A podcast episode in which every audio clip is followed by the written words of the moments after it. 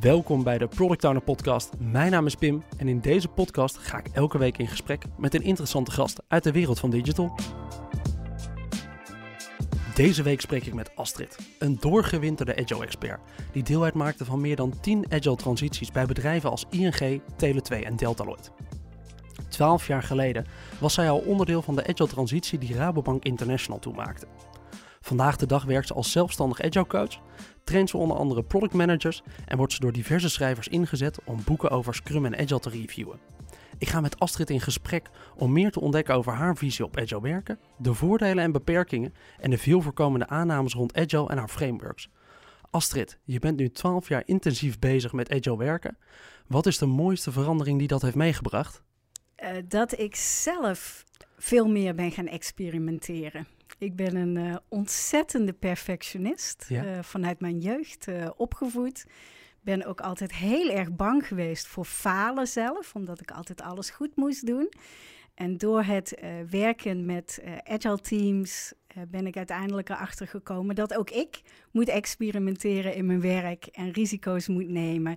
En af en toe moet falen, andere mensen ook moet durven laten falen, om zo samen um, ja, de juiste lessen te kunnen leren. In plaats van te denken dat ik alles perfect kan uitdenken van tevoren. Kijk, ik vind dat al wel eigenlijk een hele mooie eerste les. Want je bent dus gewoon al twaalf jaar echt volle bak bezig met Agile. Veel grote transities meegemaakt.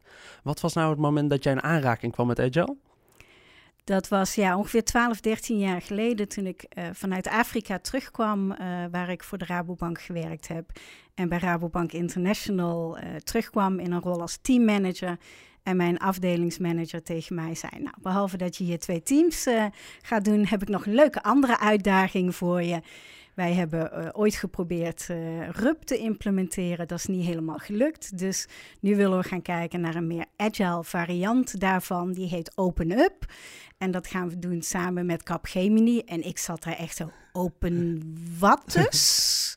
ik had geen flauw idee waar hij het over had. Ik ben zoals ik dat altijd doe natuurlijk meteen uh, heel veel gaan lezen uh, online.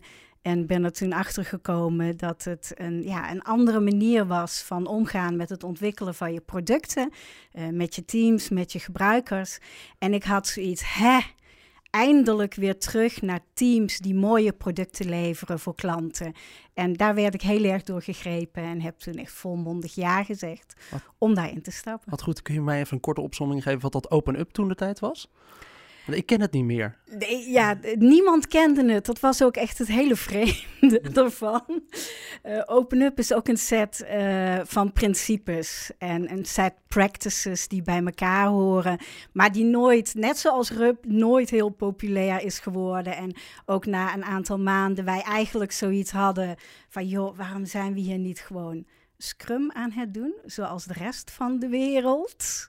Maar ja, je, krijg, je krijgt dat toch in organisaties. Daar hebben mensen eigen ideeën. Dit hoorde bij RUP. Ja. En uh, vandaar dat degene die dit bedacht had, uh, vond dat we hiermee moesten starten. Uiteindelijk, zoals iedereen dat weet, is dat binnen de Rabobank ook gewoon geëvolueerd richting Scrum en meer het Spotify-model. Uh, ja. Kijk, want toen ben je verder gegaan met echt Scrum implementeren. Dat is dan, na, je zegt na een paar maanden zijn jullie toch wel een beetje die overstap gemaakt van open-up naar toch Scrum-methodes? Nee, nee, of helemaal duurde dat niet. nog langer? Nee, zij zijn gewoon open-up blijven doen. Want Oh. uh, zoals alle mensen zijn wij wel agile, maar wijzigen wij niet onze mening als we nieuwe dingen leren. Dus nee, ze zijn daar gewoon doorgegaan met Ja. open-up. Maar we zijn nu twaalf jaar verder en ondertussen hè, maken de teams binnen Rabobank, eh, is die eh, transitie ook veel breder uitgerold. Hè. Werk je niet meer alleen maar binnen Rabobank International, Ja. maar ook Rabobank Nederland is ondertussen bezig met een hele grote transformatie. En zie je dat veel meer gebruikt wordt van, ja, ik noem het dan toch even een industry standard eh, Scrum, zeg Ja. maar. Snap ik. Ja. En na Rabobank International, wat ben je toen gaan doen? Hoe ziet je verdere agile loopbaan eruit? Ik eh, ben in eerste instantie in Hongkong voor HSBC Bank eh, aan de slag gegaan om iteratieve productontwikkeling eh, te doen. Dus wij leverden daar vanuit een leverancier elke maand een nieuw product op aan de HSBC Bank, dat dan ook meteen geïntegreerd, getest kon worden. En terug in Nederland ben ik ja, als zelfstandige verder gegaan en heb veel, ja in eerste instantie is het voor mij gewoon altijd heel leuk om mezelf heel erg ergens in te verdiepen. Dus mijn partner zelf is ook uh, agile coach. Kijk. Wij hebben elkaar uh, negen jaar geleden leren kennen. En uh, toen wij een relatie kregen, we hebben elkaar op een conferentie ontmoet. Kijk. en toen wij uiteindelijk een relatie kregen, hebben wij eigenlijk uh, ja, een aantal jaar hebben we bijna alle vrije tijd die we hadden gestopt in, uh, in agile, zeg maar. Heel veel conferenties, coachcamps. Uh, trainingen doen en zo zorgen dat we onszelf steeds verder ontwikkelden en ook konden zorgen dat je die kennis dan weer mee kunt nemen naar je klanten. Kijk, een echt agile stijl. Ja, ja. hey, dat is wel superleuk, want je hebt daarna in Nederland heb je uh, nog heel veel transities, uh, transformaties meegemaakt van bedrijven die agile wilden gaan werken. wat hadden die nou altijd allemaal gemeen? Wat, was, wat is het gemeengoed tussen al die grote transities? Dat iedereen uh, sneller en goedkoper wil worden. Ja. En dat het uiteindelijk heel veel langer duurt dan ze van tevoren denken. Omdat het niet een trucje implementeren is, maar een echt fundamenteel andere manier van denken over de dingen waar je mee bezig bent en wat succes eigenlijk is. Ja, want waar loop je dan tegenaan? Als, uh, want inderdaad, de eerste insteek is het, moet, het kan sneller en goedkoper waarschijnlijk als we die nieuwe methode implementeren. Dus laten we dat maar doen. Nou, dan komt er, wordt er op een gegeven moment een paar mensen verzameld om zo'n transitie in te gaan zetten. Hoe ziet dat proces eruit? Want voor mij als product owner, ja, ik krijg vaak dat onderdeel krijg ik natuurlijk niet mee, die voorkant. Hoe ziet dat eruit, uh, die fase? Ah, dat verschilt echt heel sterk per organisatie, zeg maar. Uh, als je kijkt bijvoorbeeld wat we bij de ING gedaan hebben, daar was ik uh, ingehuurd door een afdeling die aan de businesskant zit, niet, ja. uh, niet aan de IT-kant. En wat we daar gedaan hebben is samen met het afdelingshoofd heel erg gekeken naar wat willen we hier eigenlijk bereiken dat dan ook gecommuniceerd in uh, een afdelingsoverleg, naar dus de hele afdeling. En gevraagd aan de mensen binnen de afdeling: wie van jullie zou hier een actieve rol in willen spelen? En toen zijn er een aantal mensen uit de afdeling zelf opgestaan. En die zijn samen met mij en het afdelingshoofd een team gaan vormen. Dat dus die hele verandering vormgegeven heeft. En dat waren mensen die daar van tevoren helemaal nog niks van wisten. En die dus in de loop van de tijd gewoon ook zelf hier steeds meer in zijn gaan leren. Andere organisaties, als je bijvoorbeeld kijkt naar de Volksbank, waar ik een tijdje geweest ben dit jaar, die huren van bovenaf een hele bende coaches in. Die bereiden een volledige reorganisatie voor. En gaan dat dan volgens een stramien implementeren in alle afdelingen. En dat zijn echt hele andere aanpakken. Ja. Wat heeft jouw voorkeur? Wat heeft, uh, wat heeft een beetje geleerd dat voor jou uh, prettig werkt? Mijn voorkeur heeft, uh, ga op zoek naar de mensen die er iets mee willen doen. Die iets willen leren, die bereid zijn bepaalde risico's te nemen. En daar ga je samen gewoon het meeste mee leren en het meeste mee bereiken. Ambassadeurs creëren tussen de mensen die ermee moeten gaan werken. Ja. Ja, nee, dat lijkt me ook het, veel, het grote leerzame. Na zoveel jaren agile werken, ja, wat zijn dan de grote voordelen en beperkingen die je toch wel ontdekt van agile? Of van agile scrum? Ik vind ja, het, bela het, belangrijkste voordeel van Agile, en dat is inderdaad niet hetzelfde als uh, Scrum. Precies. Het grote voordeel vind ik dat je echt een product aan het bouwen bent dat invulling geeft aan het probleem dat je gebruikers of je stakeholders hebben. He, doordat je continu kortcyclisch aan het valideren bent wat je oplevert, ben je echt in staat dat te bouwen waar men ook daadwerkelijk iets aan heeft. Ja, het grote nadeel eraan is dat het wel van je vraagt dat je op een hele andere manier gaat kijken naar wat succes is. Zeg maar. Je kunt niet blijven vasthouden aan je bestaande processen, aan je bestaande rollen, als je daadwerkelijk de benefits wil halen van agile werken. Dus daar waar je vroeger dacht, hè, het is goed als mensen continu fulltime heel druk aan het werken zijn. Want mensen die code kloppen, die moeten echt gewoon de hele dag uh, moeten die keihard aan het werk zijn. Want dan leveren we het meeste op. Ja. Maar het meeste opleveren is niet het juiste opleveren. oh, dat vind ik een mooie stelling. Je kunt heel ja? hard ja? rennen, heel, heel erg de verkeerde kant op. Dus alle focus die er ligt op het mechanisch invoeren van veel sneller werken en dingen sneller kunnen doen, kan je een verkeerd product opleveren als je niet goed kijkt naar waarom zijn we dit eigenlijk aan het doen? Wat willen we hier eigenlijk mee bereiken? En hoe zorg je nou dat je als organisatie ontdekt of dat, jou, of dat agile werken wel voor jou de juiste manier is? Want ik kan me voorstellen dat het niet voor elke organisatie de juiste manier van werken is. Dat is absoluut het geval, zeg maar. Ik denk dat het heel goed is als je hierover nadenkt, dat je echt heel goed eerst gaat kijken naar wat wil ik hier eigenlijk mee bereiken? Welke randvoorwaarden horen daarbij? Ben ik ook bereid dat in te vullen? ben ik ook bereid om te zeggen, om nee te zeggen tegen je klanten? Zeg maar, ben je bereid om nee te zeggen tegen stakeholders? Want een van de dingen die heel belangrijk is om echt op een agile manier te kunnen werken, is focus aanbrengen.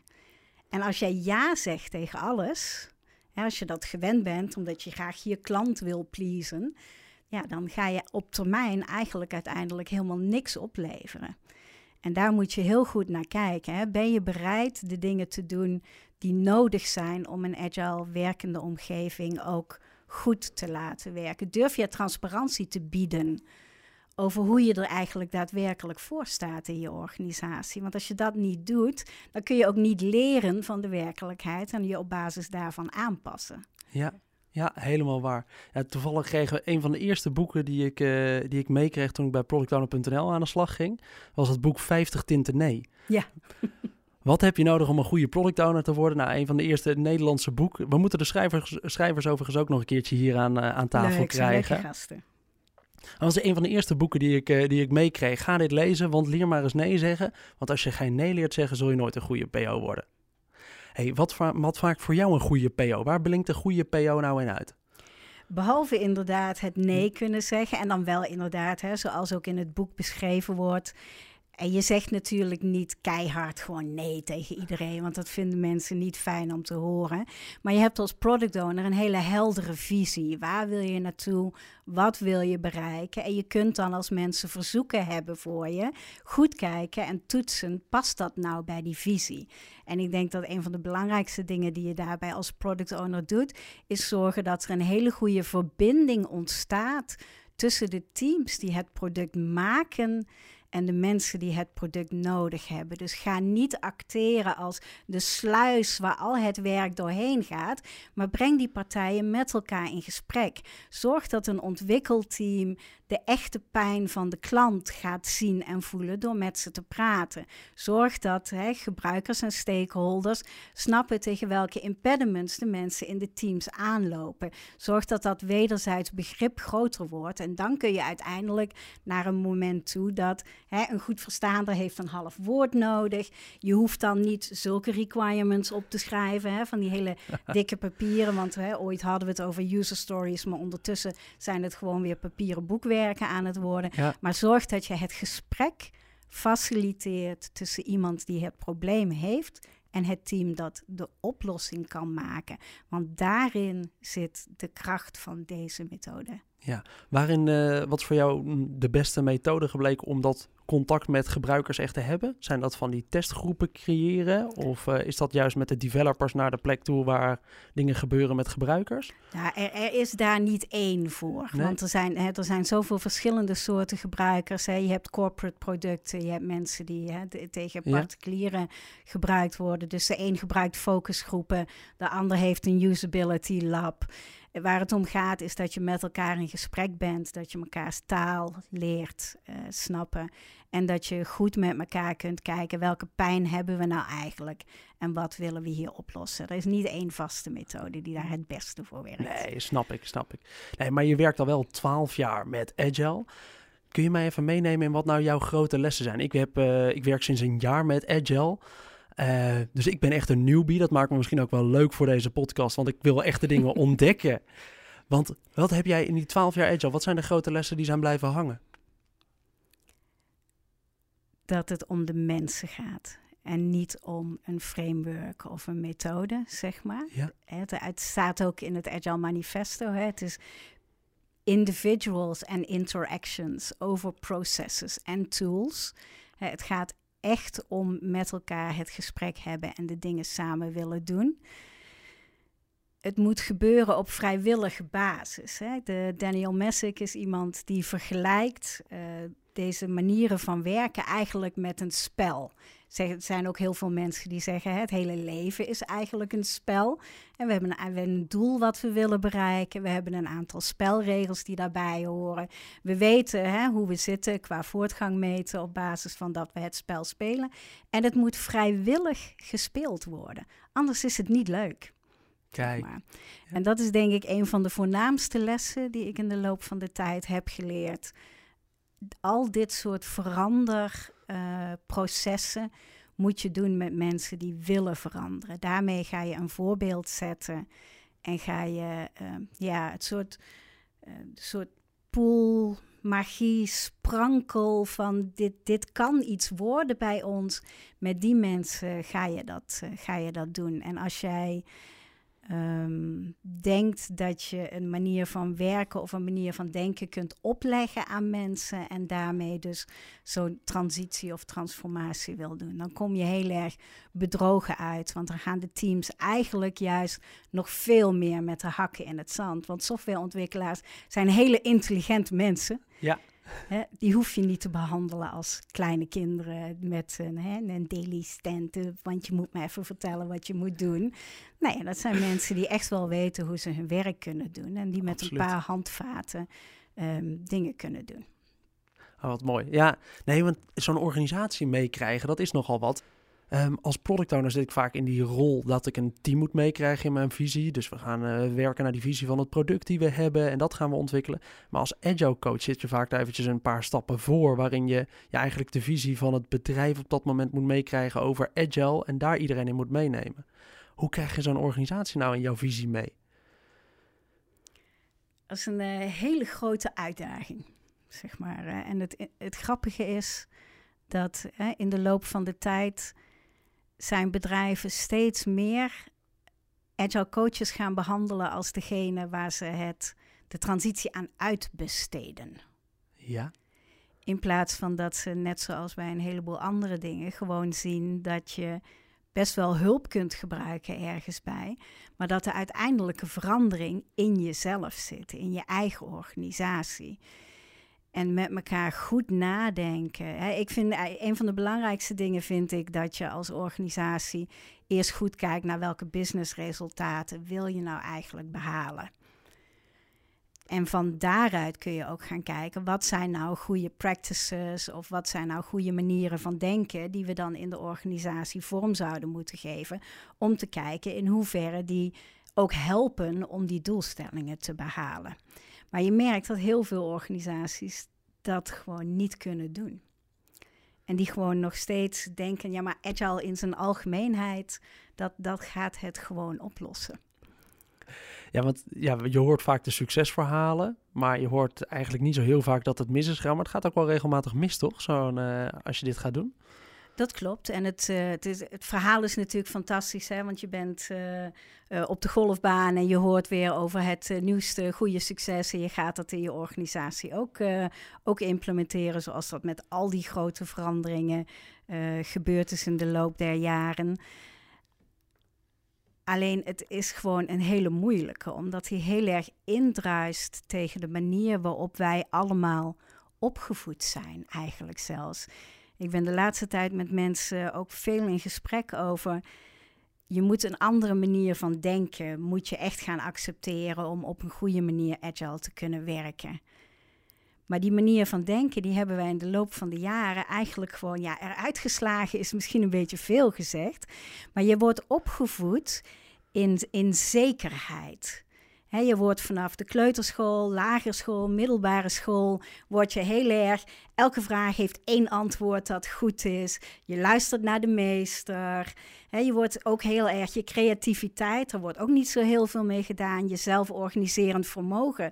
Wat je eigenlijk had als mens toen je kind was. Je kon makkelijk uren spelen zonder dat iemand je ooit directie gaf over wat je moest doen. Maar dat raak je kwijt.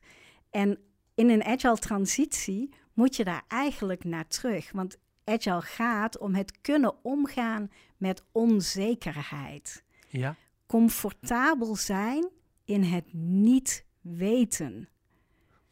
Maar we zijn opgevoed dat we altijd een antwoord Alles moeten hebben. weten. Ja, en ook veel klassieke organisatiestructuren zijn daarop ingericht. Absoluut. De hele command-control piramide is natuurlijk ingericht op, hè, we hebben één ding en wij weten het zeker. En hè, dat, we gaan marcheren om dat uit te Ja, voeren. we gaan het in één keer uitbouwen. Ja, En het duurt gewoon heel lang voordat een organisatie daadwerkelijk de mensen in die organisatie trouwens, hè, want het gaat nooit om de organisatie. Het, gaat, het start met individuen, dan zijn er relaties tussen individuen die veranderen. En dat breidt zich uiteindelijk uit tot een set mensen die hier daadwerkelijk de hefboom kan zijn om dan de organisatie als geheel mee te nemen. Wat erg jammer is, is dat je gewoon ziet dat eh, als je binnen in zo'n organisatie zit, ziet hoe uh, een struggle het is. En als je de mensen in die organisatie op openbare conferenties hoort spreken, alleen maar het Hosanna-verhaal vertellen. Waardoor elke volgende organisatie ook denkt: hey, het gaat nou in één keer. gaat fantastisch en dat moeten wij ook Makkelijk. doen en dat willen wij ook hebben. En makkelijk inderdaad. En dan pas erachter komt dat het ja, gewoon niet zo heel makkelijk is. Omdat je gewoon echt een aantal zekerheden die jij dacht dat er zijn in de wereld. Hè, mensen, als mensen 100% aan het werk zijn, dan gaat het goed. Maar hè, wat ik zei, kijk naar een snelweg. Als je die 100% vol zet, dan rijdt er niks meer. En dat werkt met mensen ook zo. Als het hoofd vol zit met alles wat ze tegelijkertijd moeten doen, dan is er geen flexibiliteit meer om in te spelen op vraagstukken. Um, het is zelfs een keer zo erg geweest dat wij een presentatie deden vanuit een van de bedrijven waar ik werkte, waar we buiten heel eerlijk waren over de struggle die het eigenlijk is. Gaaf. En dat daarna vanuit de organisatie een uh, richtlijn uh, is gekomen dat er niet meer extern gesproken mocht worden, tenzij het verhaal van tevoren goedgekeurd werd door communicatie. Maar zo hou, je, zo hou je een sprookje in stand in de wereld, inderdaad. Want agile is geen makkelijk sprookje. Het is echt heel, heel, heel hard werken. Oh, wat goed. Ja, en dat is, het doet helemaal af natuurlijk aan de transparantie die we in deze hele methode willen hebben. Dat je er eigenlijk niet meer over mag praten. Maar dat is wel corporate werkt.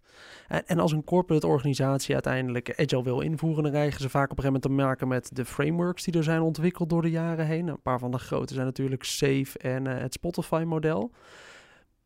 Kun je mij even iets meer uitleggen over hoe die uh, frameworks zijn opgekomen en hoe die worden gebruikt?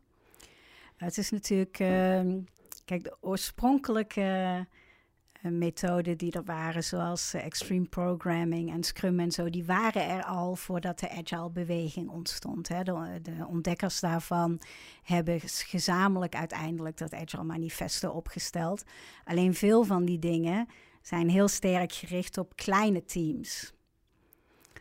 En grote corporates. Um, ja, bestaan met nou iets meer ontwikkelteams. Ja. Met iets, iets meer mensen, iets meer teams, Ja. iets meer klanten. Hadden een manier nodig waarop die groepen gezamenlijk bewegen. En in plaats van dat ze doen eh, zoals dat in de natuur is. In de natuur heb je hele grote groepen vogels bijvoorbeeld, die allemaal tegelijkertijd samen ergens naartoe gaan. Daar zit geen heel groot coördinatieframework achter. Hè? Daar zitten drie regels of zo achter, op basis waarvan die hele groep beweegt. ja, klopt. Maar in organisaties zijn ze gewoon heel erg gewend dat er dan een heel framework met alle coördinatielagen die daarbij horen. En dat dat dan de manier is om die groepen eh, bij elkaar te houden. En waarbij je dus ook ziet dat ja, er zoveel eh, rollen eh, en processen ontstaan. Dat je eigenlijk een beetje ja, wat je had aan het vervangen bent door bijna hetzelfde, maar dan met een agile sausje erover. Maar het echte, het stuk zelforganisatie waar je naar op zoek bent, waarbij de teams die het, het beste weten Ja. hoe ze de dingen zouden kunnen oplossen. Ja, dat, dat mis je dan, want dat raak je kwijt in het, eh, in het framework. Oh, dan noem je al wel gelijk eventjes de grote nadelen. Wat zijn wel de voordelen van zo'n groot framework gebruiken? Dat is dat je het eigenlijk in een veel grotere organisatie kan implementeren en dat ze het gevoel hebben dat ze overzicht behouden, dan denk ik. Het, is, eh, het, voor de organisatie zal het idee zijn inderdaad dat ze de controle kunnen houden. Ja, ja. En hoe blijf je wel als grote organisatie agile? Heb je dat ergens wel echt goed zien gaan? Niet in grote organisaties. Nee, ik heb nog niemand gezien die het echt aandurft uh, om dat uh, te doen. Er zijn een aantal bedrijven die zeker, hè, kijk, um, iets als Amazon, Microsoft, grappig genoeg werken die ook heel veel met Agile. Alleen ze noemen het niet zo. Het heet geen Scrum. Maar de manier van denken en de manier van doen zit daar wel heel erg in geïmbed. Althans, als je even kijkt naar de ontwikkelteams. Hè. Even niks gezegd over allerlei andere Precies, praktijken waar dat soort organisaties mee bezig zijn. Maar als je kijkt naar organisaties die zeg maar, klassiek gegroeid zijn uit de Taylorism en, en dat als denkmethode houden, heb ik nog niemand gezien die dat succesvol echt omdraait. Oh, dat is wel een, uh, wel een statement. Maar ik uh, kan me er wel ergens, uh, ja, ik kan het wel geloven eigenlijk. Want het is wel heel moeilijk om het op zo'n schaal uh, echt goed uit te kunnen rollen. Hey, en het Spotify-model, uh, wij schreven er ooit een blog over. En ik weet nog heel goed dat we een reactie kregen op de blog over het Spotify-model. Waarin we met name uitleg gaven over wat, wat gebeurt er nou eigenlijk in dat model. Daarvan legde jij ook uit, ja, maar jullie benoemen de nadelen van het Spotify-model helemaal niet. Want het Spotify werkt er eigenlijk zelf al niet meer mee op die manier. Ja, dat is, dat, je ziet heel veel. En dat vind ik trouwens wel een van de eh, voordelen van, van frameworks het kan je een handvat geven om op pad te gaan. Hè. Het is ook niet nodig dat elke organisatie het wiel opnieuw uitvindt. Dus ik vind het heel logisch dat mensen op een gegeven moment kijken. Hè, wat is er al? Welke goede practices zijn er?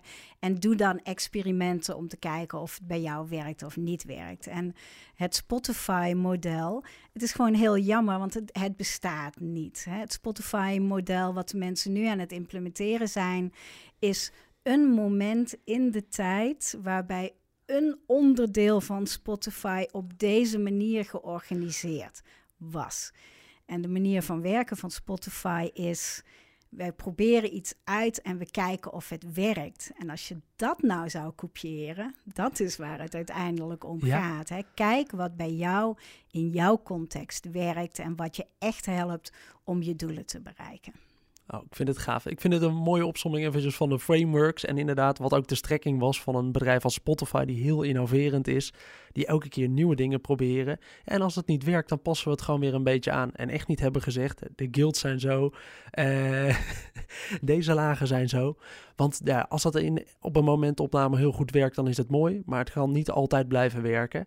En uh, dan passen ze het gewoon weer een stukje verder aan. Ik vond het leuk dat we toen ook gewoon harde feedback van jou kregen. Hé hey jongens, volgens mij moet dit eventjes anders opgeschreven worden. Hey, wat ik ook uh, wat ik nog eventjes tegenkwam, waar ik het nog even met je over wilde hebben, is op jouw website kwam ik tegen dat je ook best wel wat boeken hebt gereviewd als het gaat om Agile en Scrum. Je hebt er zoveel ervaring mee, je hebt zoveel dingen gezien dat mensen jezelf zijn gaan vragen om boeken te reviewen. Hoe is dat zo gekomen? Is een combinatie uh, van dingen, omdat ik natuurlijk ook heel veel uh, beweeg in de netwerken van agile communities. Kom je de mensen ook tegen die daadwerkelijk boeken schrijven. En in een aantal gevallen is het zo dat je heel specifiek gevraagd wordt. Uh, Sander Hogendoorn bijvoorbeeld heeft echt gevraagd om uh, zijn boek te reviewen en ook de Engelse vertaling uh, te maken van, van zijn boek. Welk boek was dat? Dat is Wat is Agile, zeg maar. Uh, en Daniel Messick, waarvan uh, Inviting Leadership uh, is, daar ben ik heel een tijd heel actief geweest in zijn Open Space Agility beweging en community. En ja, toen zij bezig waren met het nieuwe boek schrijven, komt dan toch een beetje de vraag, weet je, omdat je zo betrokken bent bij hun werk of je ook een bijdrage zou willen leveren aan het boek waar ze mee bezig zijn. In een aantal andere gevallen werkt het andersom. Hoor je dat iemand een boek aan het schrijven is en vraag je: Vind je het leuk als ik het review? Ja, tuurlijk. En dan, uh, dan review het. Ah, heel leuk. Ga je zelf ooit nog een boek schrijven? Ik denk het niet. Nee, toch niet helemaal jouw ding? Nee. Snap ik. Um, hey Astrid, ik vind het echt een heel leuk gesprek tot nu toe. Ik heb er echt veel dingen uit opgestoken. Ik hoop de luisteraars ook. Uh, dat ze een paar aanhakingspuntjes hebben gehad waarvan ze denken: hey, hier heb ik wel echt iets van geleerd. Een vraag waar ik eigenlijk altijd gebruik aan het einde van deze podcast is: ja, wat weet je nu waarvan je zou hebben gewild dat je het wist toen je begon met werken? Dat alles draait om mensen en relaties. Ja? ja. Wil je daar eens iets meer context bij geven?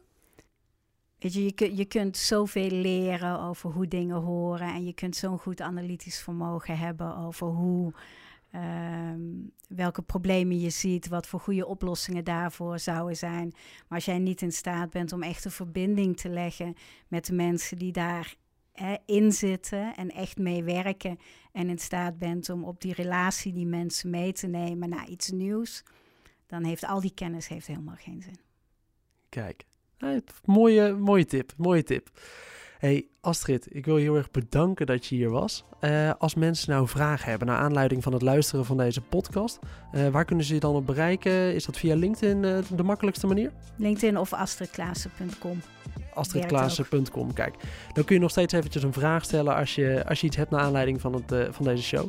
Dan bedank ik iedereen voor het luisteren naar deze podcast. Of je nou op de fiets zat, in de auto zat, in de trein of achter je thuiswerkbureautje. Uh, ben je nou benieuwd naar de andere afleveringen van deze show? Dan kun je kijken op productowner.nl slash podcast.